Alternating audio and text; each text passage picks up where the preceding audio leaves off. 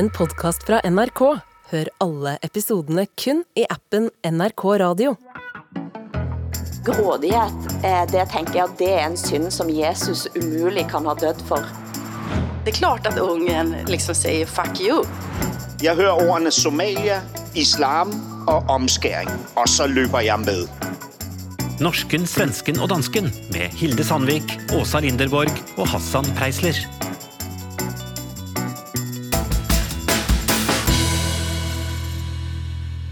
Velkommen på terapibenken, Åsa og Hassan. Jeg må bare innrømme at hver uke når jeg logger på og ser dere, så får jeg lyst til å si, denne uken trenger vi panskandinavisk familieterapi, for at verden er blitt så gal.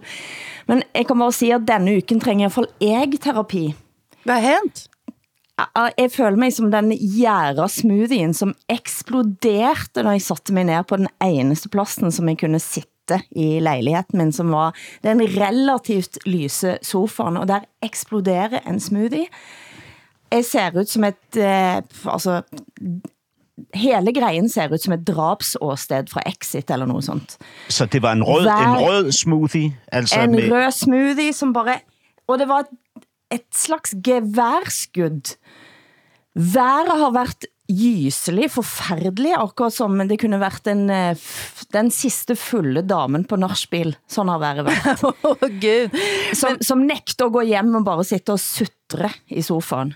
Min. Men, men er det så at du fortfarande har en svamp, en soppmuggel i, i leiligheten? at de bygger om ditt kjøkken og så, eller? Ja, nei, altså, nå begynner det å nærme seg slutten, men det, jeg føler det begynner å nærme seg slutten på meg også.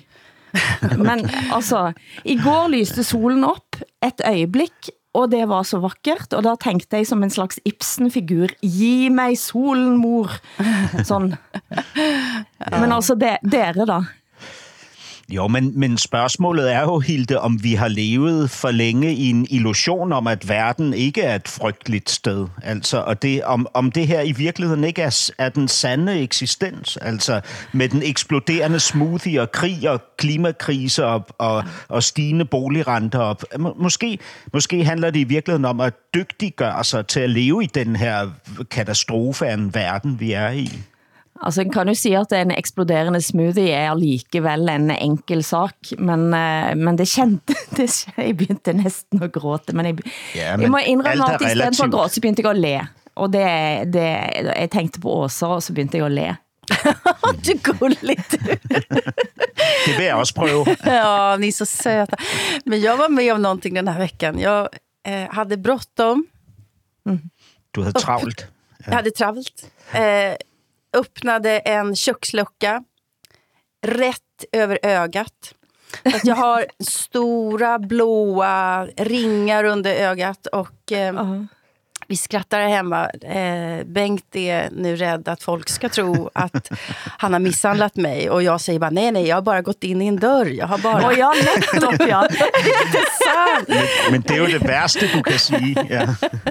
Så jag har lekt med idén att jag ska skylla på det mitt barnbarn Lisen som har slagit mig med någonting. Man kan inte ljuga heller. Ja. Jeg, jeg gikk rett inn i en glassdør en gang. Eller en glass, altså det var ikke jeg gikk rett inn i en glassvegg, for å si det som det var. Og hadde det sånn, og så gikk jeg på apoteket, og så sa jeg, ja, det er noe som det går an å dempe dette med. Jeg har gått inn i en glassdør, og så kom hun med noe, og så sa hun, dette kaller vi for en konebankerkrem. Er det er jo En fryktelig. Altså Konebankerkräm, alltså en kvinno... Alltså en eh, hustrumisshandlarkräm, eller? Ja, de sa det. Ja. Jäklar. Altså, Hassan, snakk til oss. Her i, i den, den uge, der er gået, øh, der, der er min søn, på, som fylder to år i slutningen af april, han er begyndt at stille mig spørgsmål. Oj, vad jobbigt. Ja, altså... Jättesvårt. Ja, så, jamen sådan noget, hvad skal vi nu, far? Eller, øh, oh, ja. hvad laver du, far? Eller, øh, hvordan har du det, far? Oj, spørger han om det? Ja, ja. ja. Jeg, jeg er ikke sikker på, at han forstår indholdet af, af samtlige spørgsmål, men det er en ret vild øh, udvikling, ikke? Ja, Fordi det, det illustrerer jo hans, øh, Ja, i hvert fald de, de første spæde forsøg på at have en interesse for sin omverden. Ikke? Mm. Og Det, er, det er meget magisk. Ja, det er fint. Antecknar du sånne her hendelser? Eller? nej, desværre. Men gjør det. Kan inte, jeg tycker du og din kjæreste Sara skal ha en liten anteckningsbok der ni skriver opp sånne her milstolpar. Det, Det er aldri för sent å börja. Det det, burde man gøre. Ja, måske hvis vi får flere børn, så skal vi have en dagbog øh, over. Ja, men Mogens Jeg filmer- vel sin egen, tenker jeg. Jeg filmer ham nogle gange, ikke? Øh, og, og så har jeg små filmklip, med, med, hvor han stiller et spørgsmål, for eksempel, ikke? som er Ja, ret øh, det, er det är fint. Men nu skal vi gjøre så her, Hassan. Att eh, du og Sara skal gå og vælge er en anteckningsbok. Ja. Och sen så ska jag bjuda er på den. Och så gör ni små anteckningar. Kan jeg få være med på pennen i det minste også? Absolut. Og så skal det meget i deres ert og och så skal ni kunne Og så når Sonja ser noe som Mogens gjør, din dotter, så skal det også antegnes. Det, det vil jeg meget gjerne. Det er mitt påskeegg til deg. Takk. jeg gør det. Vi trenger påskeegg.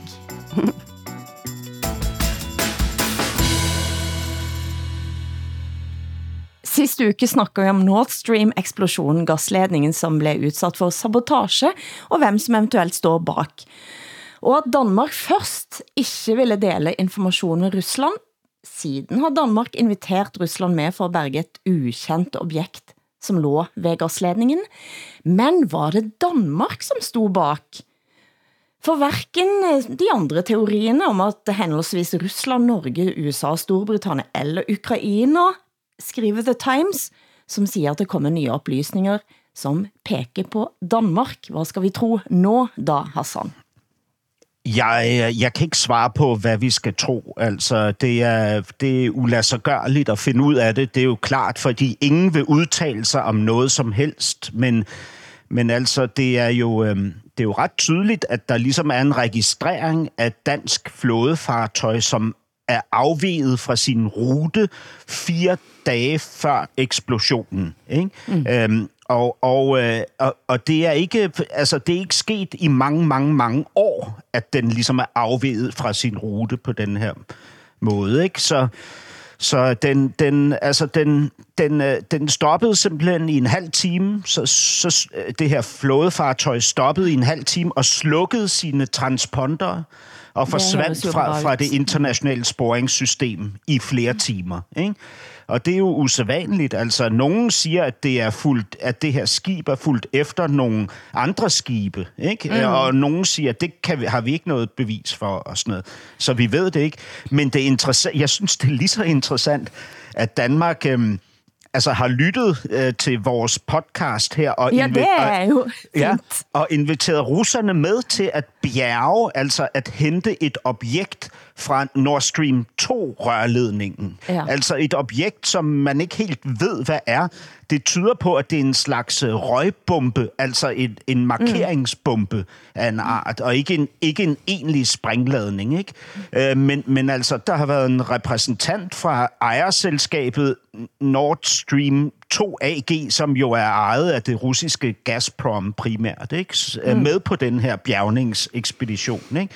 En slags, øh, ja, hvad kan man sige, sådan en, en parallelverden til, til den her krigsverden, ikke? Øh, hvor man mm. pludselig øh, godt kan være sammen på et dykkerfartøj, og måske endda dykke. Jeg ved ikke, om repræsentanten var med nede øh, i, mm. under vandet, så har, så har de dykket sammen. Øh, jeg ved det ikke.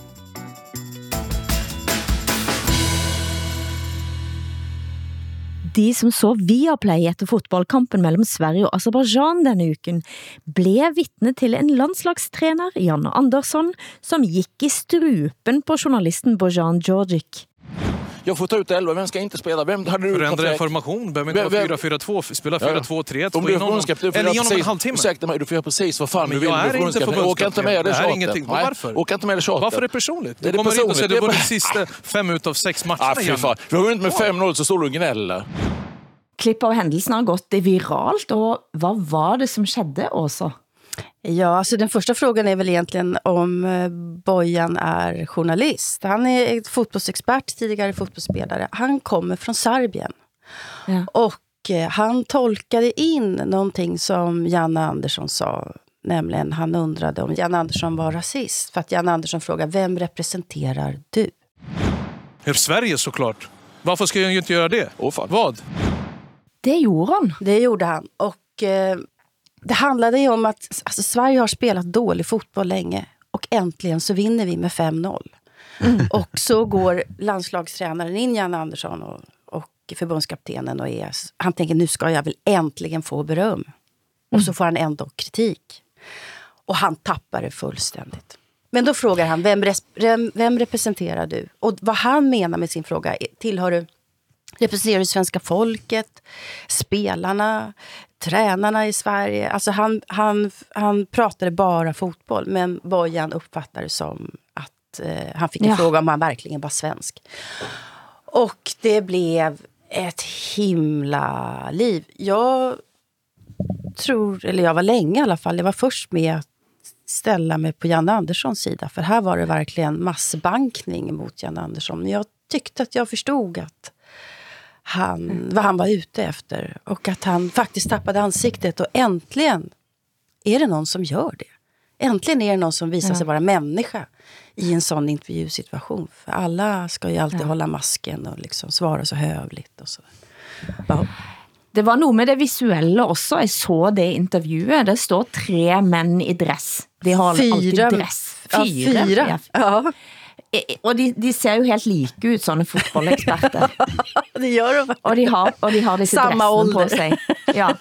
Og, så, og, så står, og så er det bare Bojan som stiller spørsmål, og de andre står bare der som en slags eh, anklagerkor. Og ser ganske strengt på denne fotballtreneren, og det de diskuterer, det er om hvor, hvorvidt en av spillerne har hatt lang nok spilletid. Ja. Han Og det blir spørsmål igjen og igjen og igjen og igjen, og til slutt så sier Janne Andersson, skal, hvem skulle jeg tatt ut? Fortell meg, hvem er det som skulle hatt mindre spilletid? Fortell meg det. Og så begynner de å snakke i munnen på hverandre. Altså det, det var en... jeg, jeg skrudde av bildet bare for å prøve å høre, Hva sier de egentlig nå? Men, men, men det gikk jo godt for Sverige. Hva er problemet? Nej, men det er vel omtrent det som Janne Andersson, og jeg tror at mange av oss som satt i tv-soffan og tittet, også undret. men herregud, nå har vi ju vunnet. vunnit. Men jeg tenker så här, tänk å være förbundskapten i fotboll, vilket stort ansvar man har. Alltså, verden går åt helvete, alla mår dåligt, alla knäar under inflation och räntor och, och krig och det er bare skit överallt. Och så har, liksom, har vi ett fotbollslag som ska ge oss glädje, nationell stolthet, gemensam samling. Förstå det ansvaret som spelare och som tränare. Och Jan Andersson kan ju aldrig skylla på han kan ju aldrig skylla på Putin eller det var Erdogans fel eller det är inflationen, det är krig. Så det är bara hans ansvar och hans spelare. Och så har han äntligen gjort något bra. Och så går, blir det så där. Nej, jag lider med honom faktiskt. Ja. Hva tenker du, Hassan? Ja, jeg ved ikke, om, om det er noget typisk svensk, at man ikke kan nyde sin sejr, når, øh, altså, når det nu endda er en så markant sejr, ikke? Fordi jeg tænker sådan, øh, altså da, både Danmark og Norge var også øst på at spille fodbold, ikke? Mod henholdsvis Kazakhstan og, og, og Georgien, Georgien. ikke? Og, og det gik jo frygteligt for, for begge vores hold, ikke? Sverige har vundet. Altså, I, I har vundet. Du lytter til Norsken, Svensken og Dansken.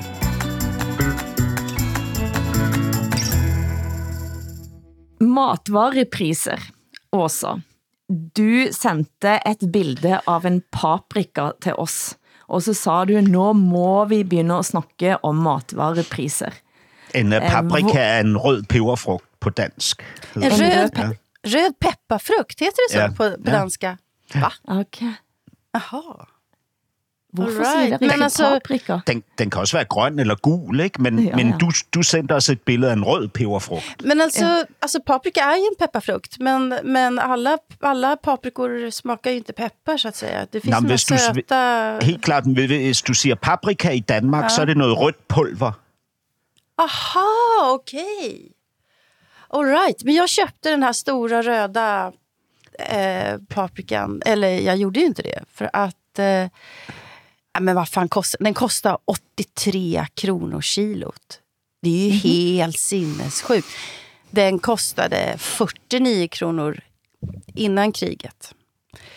Kan jag säga. Vad kostar en paprika hos er? För jag har ju gett er uppdrag. Jag, vill veta vad paprika kostar i Norge och Danmark. Eh, det är klart det är lite, lite, svårt, lite vanskligt att jämföra eftersom vi har ulike lønnebilder i våre länder och sådär. Men Og den danske kronen kan man jo ikke sammenligne med våre små, svake valutaer Nei, også. nej, det är en av världens starkaste valutor. Men ändå, få höra vad kostar en röd paprikafrukt eller paprika hos er?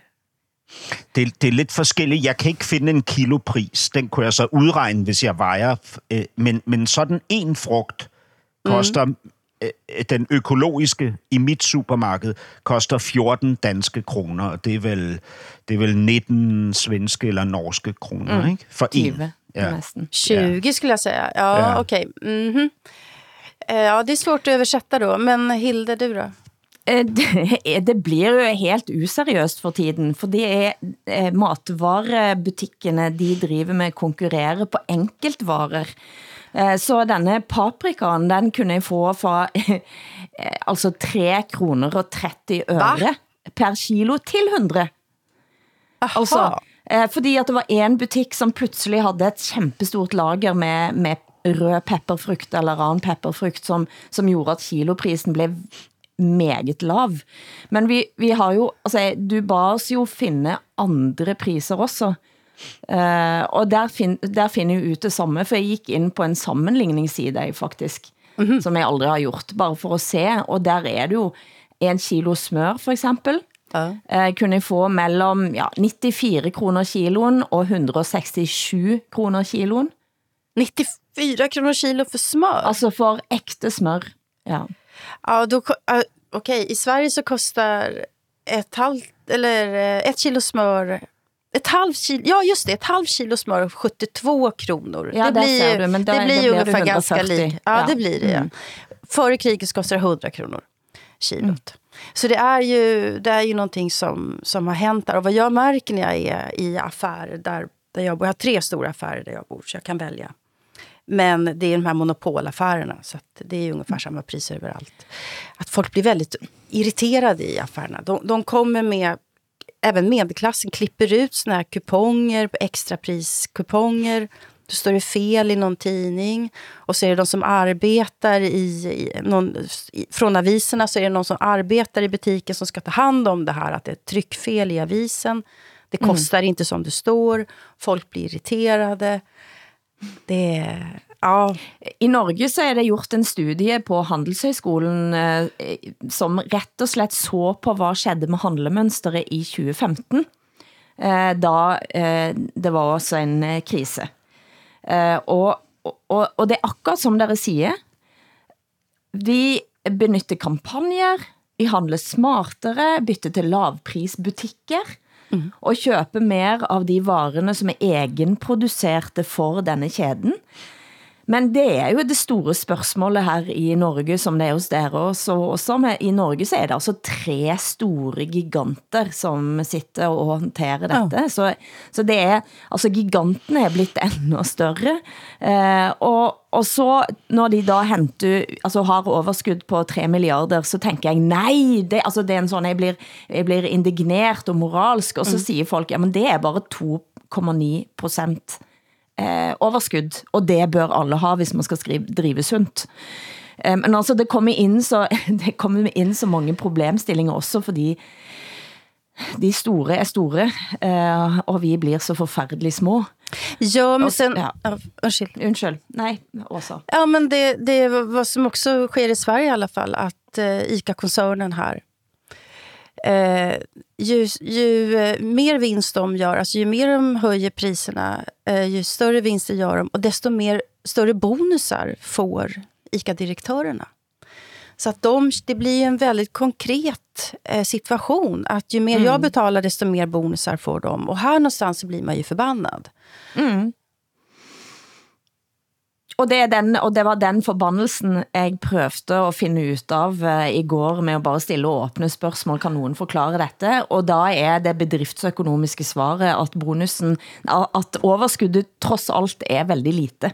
Jo, Men greien er, at vi har, De er jo alt for, er alt for få, og konsentrasjonen er for høy, og monopolet er for sterkt. Verkligen, verkligen. För det är ju inte bönderna som blir rika på det här. Nej, bøndene blir ikke rike, Nej. det kan man si. Nej. Men, men i Danmark, der, der, er det, altså, der er det litt forskjellig. Nogle av de store kæder har kjempestort overskud, andre har, har faktisk et reelt underskud lige nå.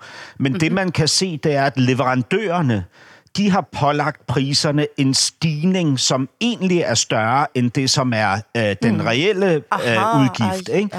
Så, så leverandørene runder opp, og det gjør de jo for at imødekomme en eventuelt øh, fremtidig øh, prisstigning. Ikke? Men, men, men de, det, det er lige, der, lige nu er det der flaskehalsen er. Det er der øh, mm. fortjenesten også ligger, ikke? Øh, primært hos leverandørene. Men, men prøv å høre, så har vi jo fått genetableret grænsehandlen. Altså det viser ja. sig, at danskerne i ret stor stil tager til Malmø og shopper. Mm. Dels på grund af de nedsatte afgifter, og dels på grund af den, den stærke krone, øh, kan det faktisk rigtig godt betale sig for danskere Ja. ja. at genoptage mm. den her grænsehandel. Ikke? Mm. Øhm, Og svenskene rejser til Norge, det har, den vejen har jo ingen rejst før. Nej, just det. Just det. Alt henger sammen med alt, som Gro Harlem Brundtland sa. Her er det mange ting, som ligger i samme gryte og ulme og koke. Høye strømpriser, sentralbanker som har trykket penger og økt pengebruken etter covid, nær monopolsituasjon, høye råvarepriser, svak krone, altså vi kan fortsette å ramse op. Markedet er en nyttig og viktig tjener, men en brutal og hensynsløs herre, skrev professor Jan Fritjof Bernt på Facebook-veggen min, da jeg gjorde et spett forsøk på å forstå alt dette. Et uh, nytt kapittel er skrevet i historien om de to terrorsiktede søstrene fra Bærum. I natt landet de på Gardermoen, og nå står lange forhør med PST for døren. De to søstrene med somalisk opphav fra Bærum, som dro til Syria og IS, som radikaliserte tenåringer i 2013, er nå altså tilbake i Norge sammen med de tre barna sine, fra de berykta Al-Hol og Al-Roj-leirene. Søstrene ble gjort kjent gjennom Åsne Seierstads bok To Søstre. Det første jeg tenkte er, at dette er veldig bra for barna, sa forfatteren, eh, da dette ble kendt. Eh, Det er mange spørsmål en kan stille seg, men hva, hvordan ble dette tatt mot i Sverige og Danmark? Har, har dere oppdaget at søstrene er tilbake i Norge? Vi har haft en liten notis om det i Sverige, men inte så stort. Men jag blev ju veldig väldigt glad faktiskt. eh, För att det här är två, två kvinnor som jag tycker att har lärt känna via Osnes bok Två systrar. Och jeg är glad för barnens skull också att de är tillbaka i Norge och slipper det där, den där barnmisshandeln som är där borta. Det är ett helt unikt dokument på de här kvinnorna. Som, som, att, att kunna följa en sån dramatisk historia, om Osne kan fortsätta följa dem eller någon annan kan göra Mm. det i många, många, många år till, så är det ju helt fantastiskt projekt. Och det ser jag rent egoistiskt, att jag vill liksom veta mera Mm. vad som händer i deras liv. Mm. Ja, det, det var dejligt, du spurgte så begejstret, hvordan den offentlige reaksjonen var på dette i Jeg Danmark. vet, også. jeg vet at danskene op, altså danskene får ikke med sig det, men jeg, regn, eh, men jeg visste at svenskene gjorde det. Ja, nej, nej, det er fuldstændig rigtigt. Det har ikke, det har ikke ryddet forsiderne Nej. i Danmark. øh, at de Men, to- men Åsne Seierstad kan gøre det, så det er derfor, så kanskje var det, det en rigtigt. liten vej ind. Ja, mm. det er rigtigt. Altså, det, jeg, jeg synes jo, det er interessant det her, fordi der er jo ikke andre argumenter end den retfærdiggjorte hævn øh, for, at børnene og de her kvinder skal blive siddende i lejrene. Det viste øh, den, øh, den, hvad kan man sige, kommentar, som, som politiets efterretnings- og Forsvarets efterretningstjeneste i Danmark kom med, hvor de tydeligt deklamerede, at de her børn bliver radikaliseret af at sidde i de her lejre. Derfor er det mm. bedst for Danmark at tage dem hjem. Ikke? Og det var jo det, der ligesom udløste måske den store FE-skandale ikke? og kampen mellem, mellem øh, øh, regeringen og, og forsvarets efterretningstjeneste, mm. siger jeg, øh, i Danmark. Ikke? Øh, så, så selvfølgelig skal de hjem. Altså, der er ikke øh, andet argument, øh, og så Nej, må de modtage deres... øh, Forældrene skal modtage en straf for det her, ikke? Mm. Og vi, vi har jo netop i sidste uge haft en højesterets øh, afgørelse, altså en, en dom, som øh, fastslår, at det ikke var lovligt, at regeringen fratog en dansk kvinde sit statsborgerskab for mm. at have tilsluttet sig IS. Så hun har nu sit statsborgerskab og skal derfor hjemtages inden for kort tid. Og den danske justitsminister har netop været ude og sige, ja, vi må følge mm. højesterets afgørelse. Denne kvinde skal hjem med sine børn. Øh, og hvis hun så ønsker det, så må hun møde den straf, der så øh, venter hende. Ikke? Eller den, den anklage, der venter hende. I Sverige så, jag tror i alla fall att det är så att eh, samtliga som, kom, som har kommit tillbaka från de här IS-lägren eller IS-aktivitet och sen hamnat i läger som har kommit hem. De har blivit av med sina barn. Eh, eh, är det så i Norge också? Kan vi räkna med att de två systrarna inte kommer att få ha vårdnaden om sina barn? Den närmsta tiden i alla fall, eller? Altså, de skal i alle fall rett i en, eh, de blir arrestert og skal stilles for retten. Det er det jo ingen tvil om. Det jeg også har tenkt på er om det blir et etterspill rundt boken til Åsne Seierstad, for nå er jo de søstrene tilbake, eh, og var jo aldri eh, i kontakt med Åsne mens hun skrev, og man vet jo hva som skjedde da hun skrev en bok om bokhandleren i Kabul. Ja, visst. Eh, bokhandleren meldte tilbake at det var han ikke særlig begeistra for, og det ble en retssak. Eh, og jeg lurer jo litt på disse to søstrene da, eh, som jo virker til å være ganske så sta, og, og sånn som det fremstilles der, intelligente, sterke kvinner. Verkligen. som har en meget tydelig både agenda og, og har tatt tydelige valg. Og som fremdeles mener at de ikke på noen måte har gjort noe galt i de få intervjuene som de har Aha. eh, gjort. Da. Er det sant? har De er ikke, inte, de er ikke ångerfulla alls? Ikke så jeg har klart å se. Men gud. Eh, enn så, så lenge jeg har klart å se, så har de tatt vare på barna, de har vært gift, og de har tatt vare på barna, det, har, altså, det virker som at det ikke er noe særlig stor anger her, nej. Men, men nå, er, nå må jeg ta høyde for, at jeg kanskje ikke har lest alt. Eh, Men det de sier gjennom sin advokat Lippestad, da, som også forsvarte Anders Bering Breivik, de mener de ikke har gjort noe straffbart. ser frem til å forklare seg for politiet, slik at de får et, en riktig historie om hva som har skjedd. Og denne riktige historien om hva som har skett, eh, det er jo den vi kan kanskje prøve å, å, å vente på da. Det er superspennende. Det her skal jeg følge ordentligt.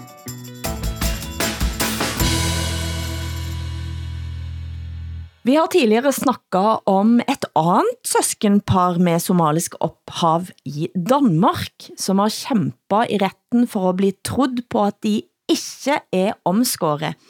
Hassan, du har været engageret i den saken, men også ut fra et andet perspektiv, nemlig mediernes rolle.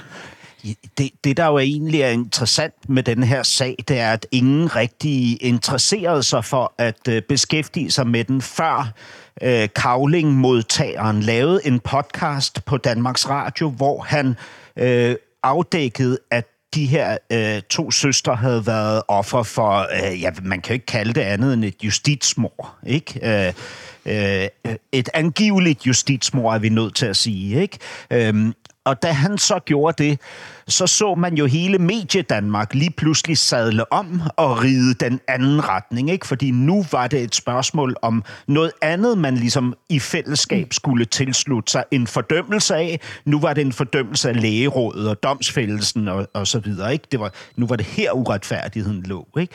Og den her, hvad kan man sige, det her kollektive... Øh, øh, hysteri, der opstår i de danske medier, er noe som man bemerker i, i adskillige sammenheng i Danmark. Mm. Ikke? Og jeg vet ikke, om det alltid har været sånn, eller om det ligger i tiden, fordi tiden er blevet så moralsk og moraliserende, at man ikke tør andet end at ride med flokken. Øh, Så, så, så det, jeg ser det her som et symptom, altså som, som en, en, hvad hedder det, en, ja, en, en af mange sager, som øh, medierne lige nu svigter deres ansvar i forhold til. Mm.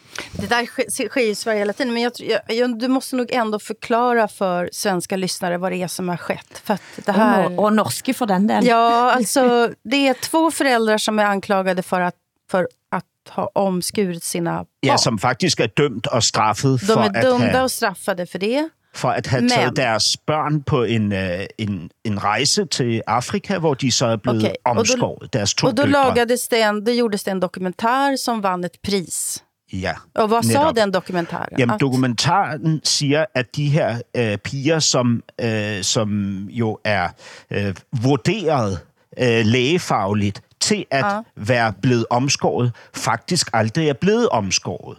Og sier at- säger att, de inte, att flickorna aldrig blev omskurna. Ja, og, og, og dokumentaren øh, anvender seg jo av en hel masse kilder og eksperter, som har, har, har kikket på de her pigers kjønnsorganer, og som mm. samstemmig vurderer, de er ikke blitt omskåret, de her piger.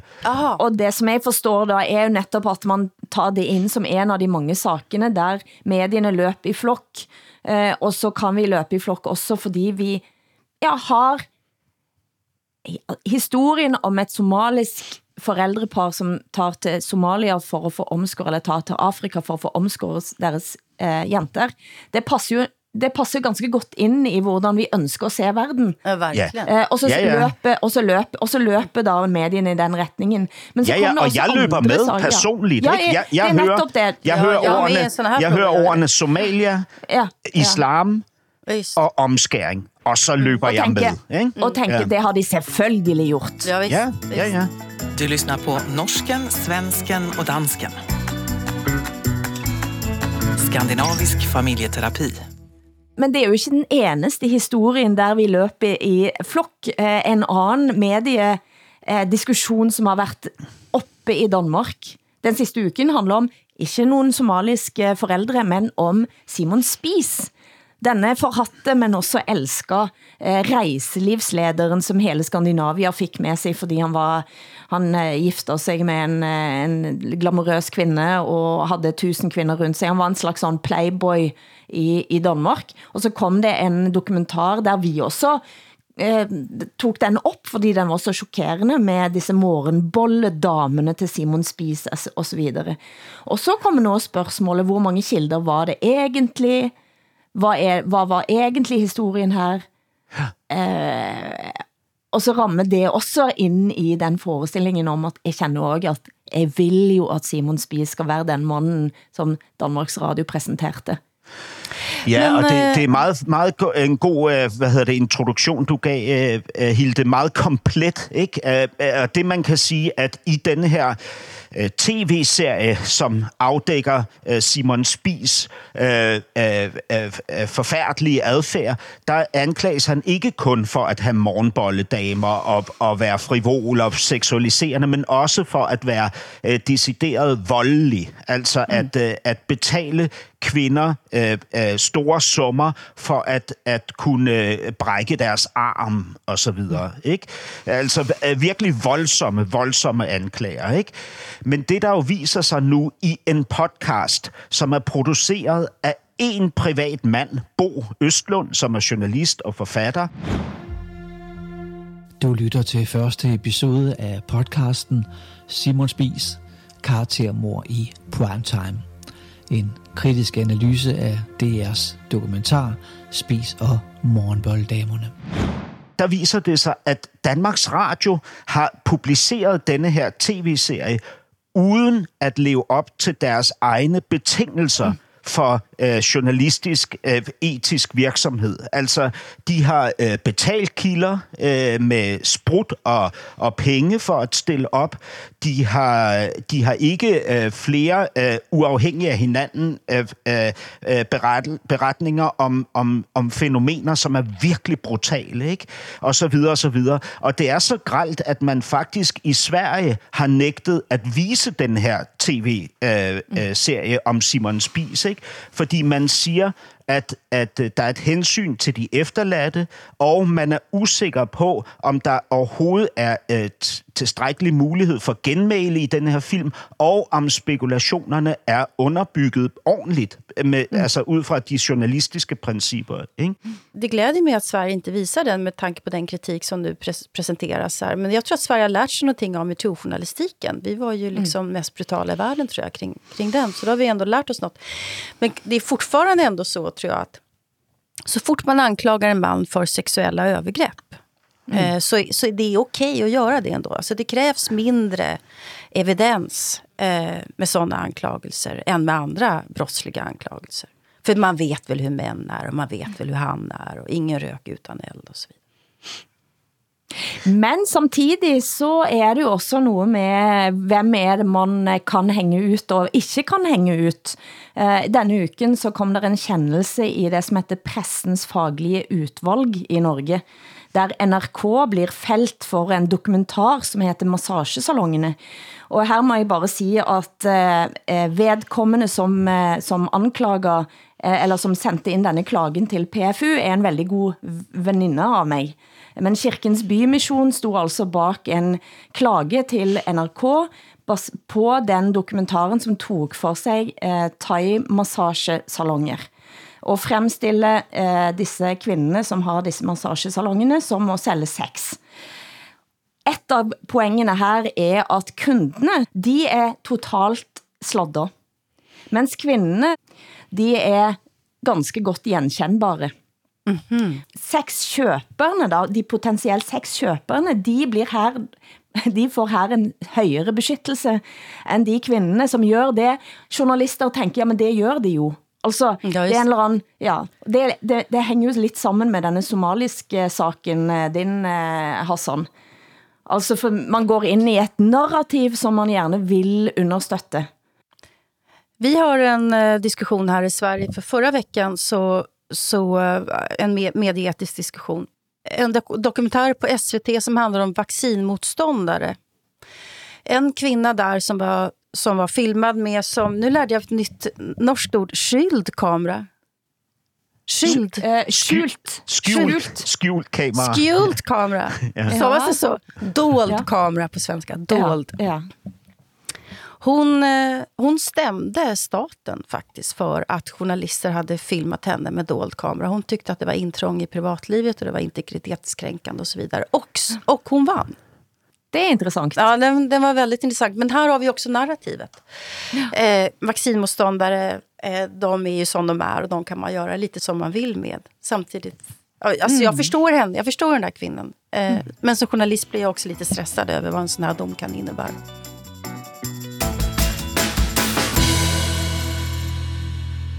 Jeg har alt sagt, at jeg følte meg som en eksplosiv jæra smoothie, eh, men eh, da jeg leste saken om danske strømtradere, som forlanger bonuser i flere hundremillionersklassen, så ville jeg ikke kun eksplodere. Jeg fikk lyst til å gi noen en knehøne, som det heter på norsk. Først var de forgyldte, nu er de fyret, eller i hvert fald suspenderet. Tre medarbejdere i Energi Danmark blev i går suspenderet, fordi de har fået enorme bonusser på 60 millionbeløb. Det er altså tre, som, som forhandler strøm i det forbrukereide strømselskabet Energi Danmark, som har oparbejdet sig bonusser på mellem 375 og 450 millioner hver norske kroner. Aha, Gud. Selskapet nekter å betale, og nå er de tre utestengt fra jobben. Energi Danmark eies ejes av 625 000 danske strømkunder. Og de skal altså ha inngått avtale med den forrige administrerende direktøren etter å ha true med å gå kollektivt til en konkurrent. Og den, denne avtalen fikk de uten at styret fikk det med seg. og plutselig så sitter de altså med krav på eh, altså mange hundre millioner for å liksom forhandle frem strømavtaler for oss. Jeg, ble, jeg kjenner jo at... Det er helt klokt. Jeg får jo helt... det. hvem er det som tror at man er verdt 300 millioner danske kroner for å forhandle frem en strømavtale? Altså det er en sådan...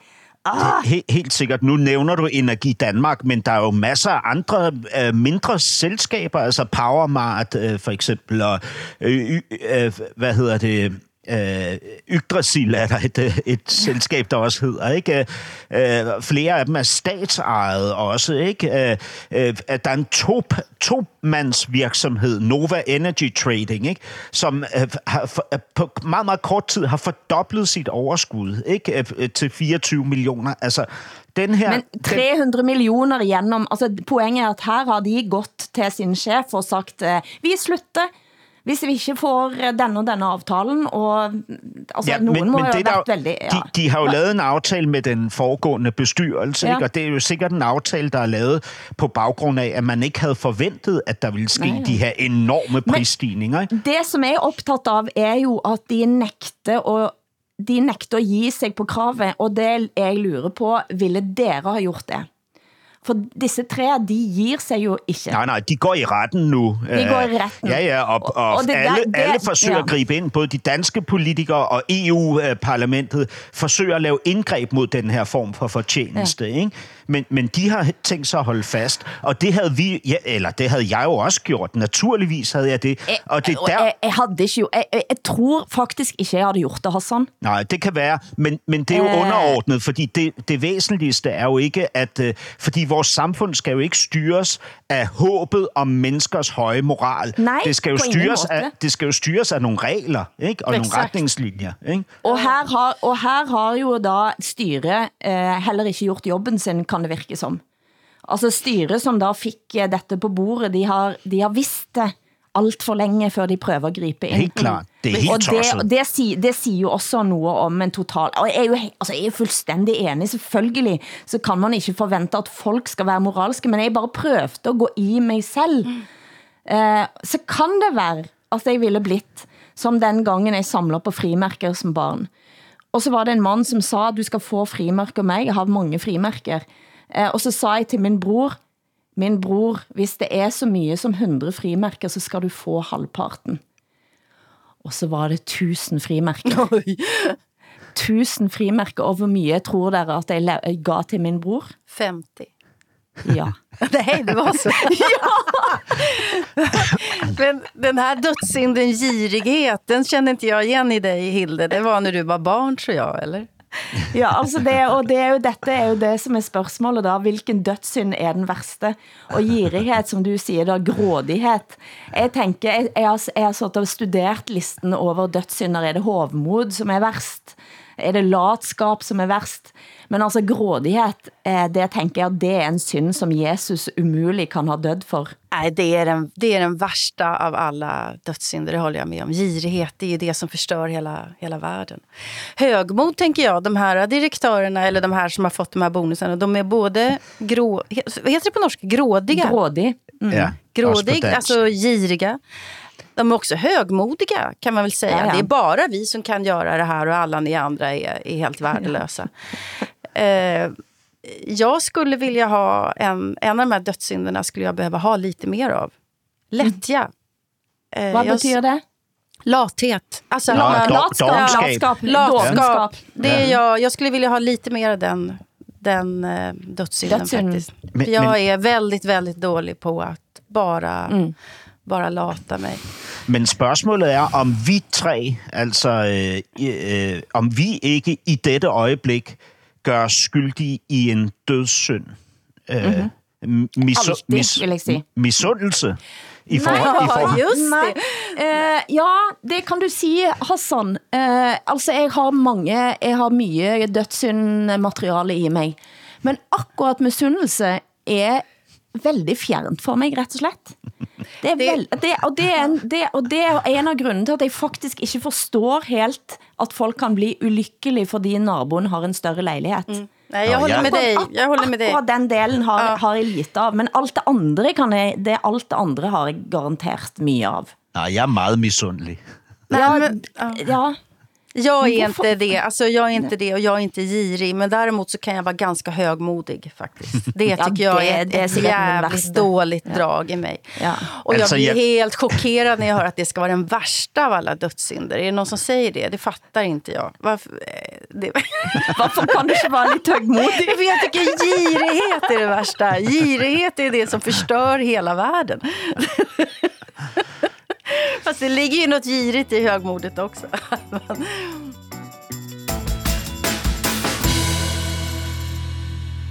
Men hvor mye av demokratiet er vi villige til å kaste på båten? For mye viser en undersøkelse fra Sverige.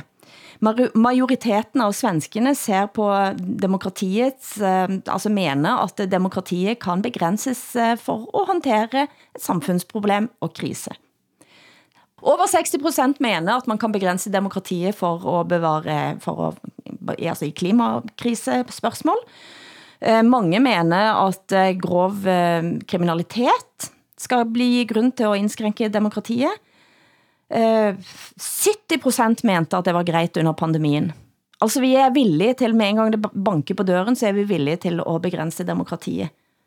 Ja, det här är en svensk undersökning. Det är, det är en akademisk undersökning. Det är SOM-institutet. Och eh, de litar jag rätt bra på. Men eh, de har frågat ungefär 3000 personer och bara hälften Ja. har svarat. Med en viss, med viss, eh, viss reservation för resultatet. Men det som är intressant här är, tycker jag, att Beroende på om man står til høyre eller venstre, så vill man, kan man tenke seg å sette demokratin på paus i vissa frågor. Mm. Og da f.eks. eh, rödgröna kan pause demokratin for å redde klimatet. Høyren kan pause demokratin for å komme til rette med gjengkriminaliteten. Liberalerna kan pausa demokratin for å komme til rette med pandemin. Liberalerna? Liberalerna, 70 procent av liberalerna tyckte att det var rätt med restriktioner under pandemin. Så Hilde, du är väldigt ensam inom, inom din sfär kan jag säga. Att stå för en... Ja, det, en det var litt sjokkerende for meg som er liberaler, som Ja. synes at det var et uh, vanskelig spørsmål. Ja. For meg så er denne undersökningen så interessant eftersom det samtidig er så at vi i Sverige er veldig irriterade på Turkiet och Ungern som, som vi anklagar för att inte förstå den svenska demokratin. Ungern har ju den här veckan... eh, Ungarn, Sagt, ja. Ungarn! Ungarn! Ungern på svenska har ju den här veckan sagt att nej, nej, svensk medlemskap i NATO det går inte därför att ni håller på med ora- moralisk överlägsenhet. Eh, och de liksom så här, nu, får- nu får ni sluta sabotera eh, för oss i, i Ungern genom att kritisera oss så mycket. Eh, och, och vi tycker, åh vad odemokratiska de är. Samtidigt som vi själva har en ganska stor tolerans för att sätta demokratin på paus. Eh, I ganska stora spörsmål. Så att, ja, demokratin är ju, den perforeras från alla håll. Och den oh, är verkligen skummelt. definition, definition av vem som är mest eller minst demokratisk. Mm. Det kan man diskutera. Ja, jeg, jeg synes øh, altså personligt kan jeg ikke lade være med at... at jeg ved, det er en stor tragedie, det her, og det er jo, altså, det er jo frygteligt. Sverige skal ind i NATO i en fart, men alligevel, når Ungarn kritiserer Sverige for at, øh, at, at udtrykke en moralsk overlegenhed, så forstår Hovmod! Det er hovmod. Altså, jeg, tänkte på deg dig, tänkte Så- på dig direkt, Hassan. Jeg forstår jo godt, hvad Ungarn mener.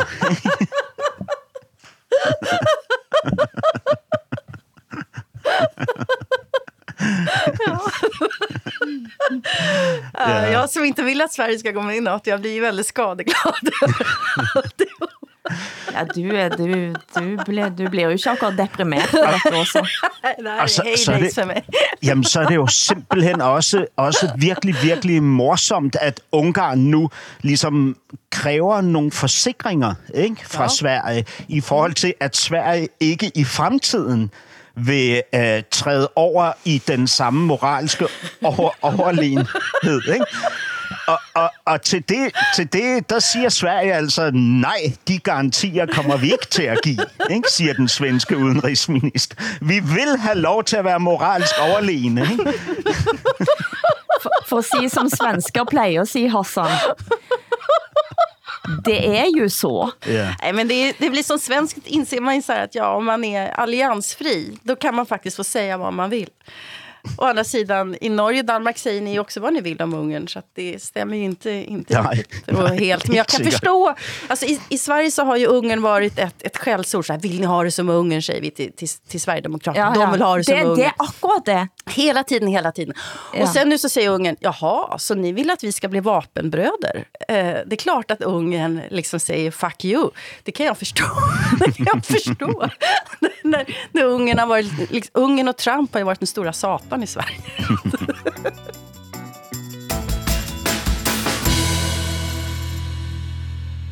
Nordisk ministerråd har tatt penger fra kulturbudsjettet og lagt det inn i det grønne skiftet.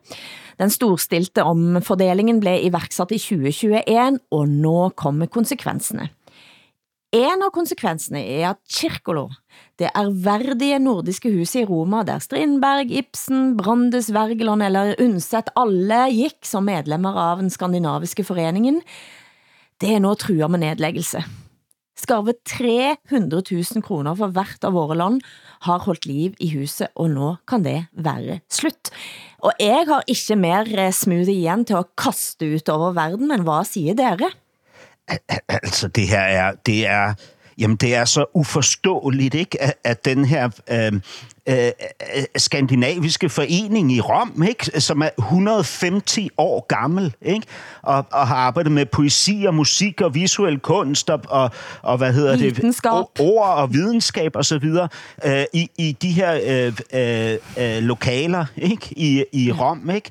Nu, nu skal lukkes. Altså, prøv at høre, øh, det her er måske øh, det eneste andet velfungerende nordiske fællesskab, der findes, ikke? Altså, fordi øh, Nordisk Ministerråd og Nordisk Råd er jo en, en form for dødssejler, ikke? Altså, vi har den her formidable podcast, og i Rom ligger der et genialt hus, ikke? Som ligesom i, altså med, med reelle aktiviteter øh, promoverer nordisk kultur og kunst og videnskab, ikke? Og har lagt hus til nogle af de største navne, altså mm. øh, øh, må, måske er vores nationalsange blevet skrevet i det hus, ikke? I hvert fald er noget af den største litteratur blevet mm. formuleret øh, i de lokaler i Rom, ikke? Hvad er det for noget, det her nordisk ministerråd er ude i, altså? Men vad jag har förstått så, ja, dels så undrar jag varför vi ännu inte har blivit inbjudna till, till det här formidabla huset. Men, men det är väl ändå så att man, man ska kutta ner, skära på budgeten därför att de kulturpengarna ska gå till att rädda klimatet. Mm.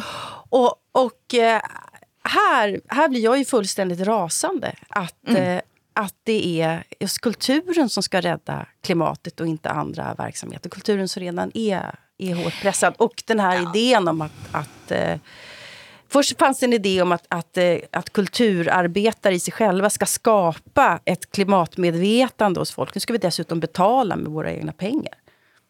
Og jeg lurer også på om politikeren i det hele tatt har lest rapporten fra tidligere finsk utenriksminister Janne Erik Enestam, som kom ut, altså han er tidligere utenriksminister i Finland, kom ut med en rapport om sivil kriseberedskap, som kom bare få måneder før Russland invaderte Ukraina. Og her heter det at de nordiske regjeringer samt Nordisk råd og Nordisk ministerråd bør trygge en tilrekkelig finansiering for nordisk samarbete inom kultur, forsknings-, fritids-, ungdomssektorer for at opprettholde og stærke den nordiske identiteten skriver altså Enestam. Og hvis det er nogen, vi skal høre på, når det handler om kriseberedskap, så er det finnene, tænker jeg. Han siger, at det er, også, det er samhørigheten og tilliten, som udgør grunden for en gemensam nordisk civil kriseberedskap. Altså, det stik modsatte av det Nordisk Ministerråd og Nordisk Råd nå gjør. Ja, det Hvis man det er- siger, at nej, kultur trænger vi ikke satse på længere, det er bare sådan pynt på kaken. Ja. Altså, det er en sådan tankeløshed. Det er så lite penger det handler om også. Det er det som er så provoserende. Så det, det, det blir nesten mest symbolpolitik faktisk, som er det verste jeg vet. Ja, det er det verste. Men la oss gå ut på et av de mange kulturuttrykk dette fruktbare huset i Roma har gitt oss. Norske Bjørnstjerne Bjørnsons dikt fra Montepincio. Bjørnson hadde seks lange opphold i Roma. Han var en hyppig gjest i Skandinavisk Forening og tilbrakte mye tid der sammen på Café Greco, som lå rett ved der eh, ved spanske trappen, like ved der foreningen holdt hus den gangen. Diktet ble tonsatt av Edvard Grieg, som også var med, ivrig medlem der, og det sies at julen 1865 så tilbrakte Grieg eh, tiden sin der, og spesielt skal han ha husket selskapet på julaften, der de tilstedeværende kunstnerne holdt endeløse taler til ære for skandinavisk kunst og skandinaviske kunstnere. Og samme kveld så ble det holdt julelotteri, og det ble danset til klokka to om natta. Ah, men Åsa Hassan, altså, eh, dette er jo noe for oss. Altså, vi burde kanskje bare lage en ny skandinavisk forening. Nordisk ministerråd greier åpenbart Ja, men ikke å, å holde dette huset. Jeg vil, jeg vil danse til to om morgenen og holde endeløse taler om skandinavisk forträfflighet. Alltså Hilde, jag var rädd att du, att du tänkte att, att jag skulle komponera en låt och Hassan skulle skriva en ny text. liksom att du skulle sjunga den. Det var det jag var rädd för att du skulle säga. Det blir kärringar med staven. Nej, det, er- det, er jo, det er jo skandaløst. Ja, Altså, det, det er det, de må, de må, jamen, altså, skal vi ikke give Nordisk Ministerråd en sjanse for at tænke sig om og, og omgøre den her Jo, de har en vecka på seg til neste, Ja. neste vecka når vi ses. Til neste uke, og da i mellomtiden så kan det begynne å planlegges en stor fest da. Der vi selvfølgelig må være i cir cirkler i Roma. På våren i, Ro våren i Roma er jo ingenting som pirrer oss, tenker jeg. Men altså her er dette diktet fra Bjørnson, tolka av to svensker, Anne Sofie von Otter og Bengt Forsberg, som får siste ord for oss i ukens Norsken, Svensken og Dansken.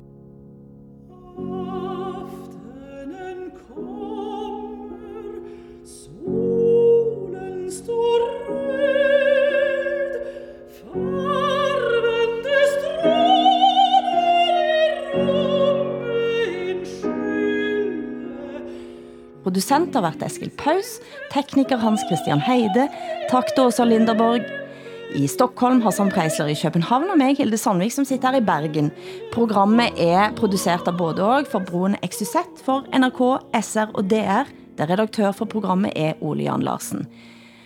Vi høres igjen om en uke, og husk at de nye episodene legges ut allerede på lørdager i SR Play, DR Lyd og NRK Radio. Ha en god påskeuke i mellomtiden.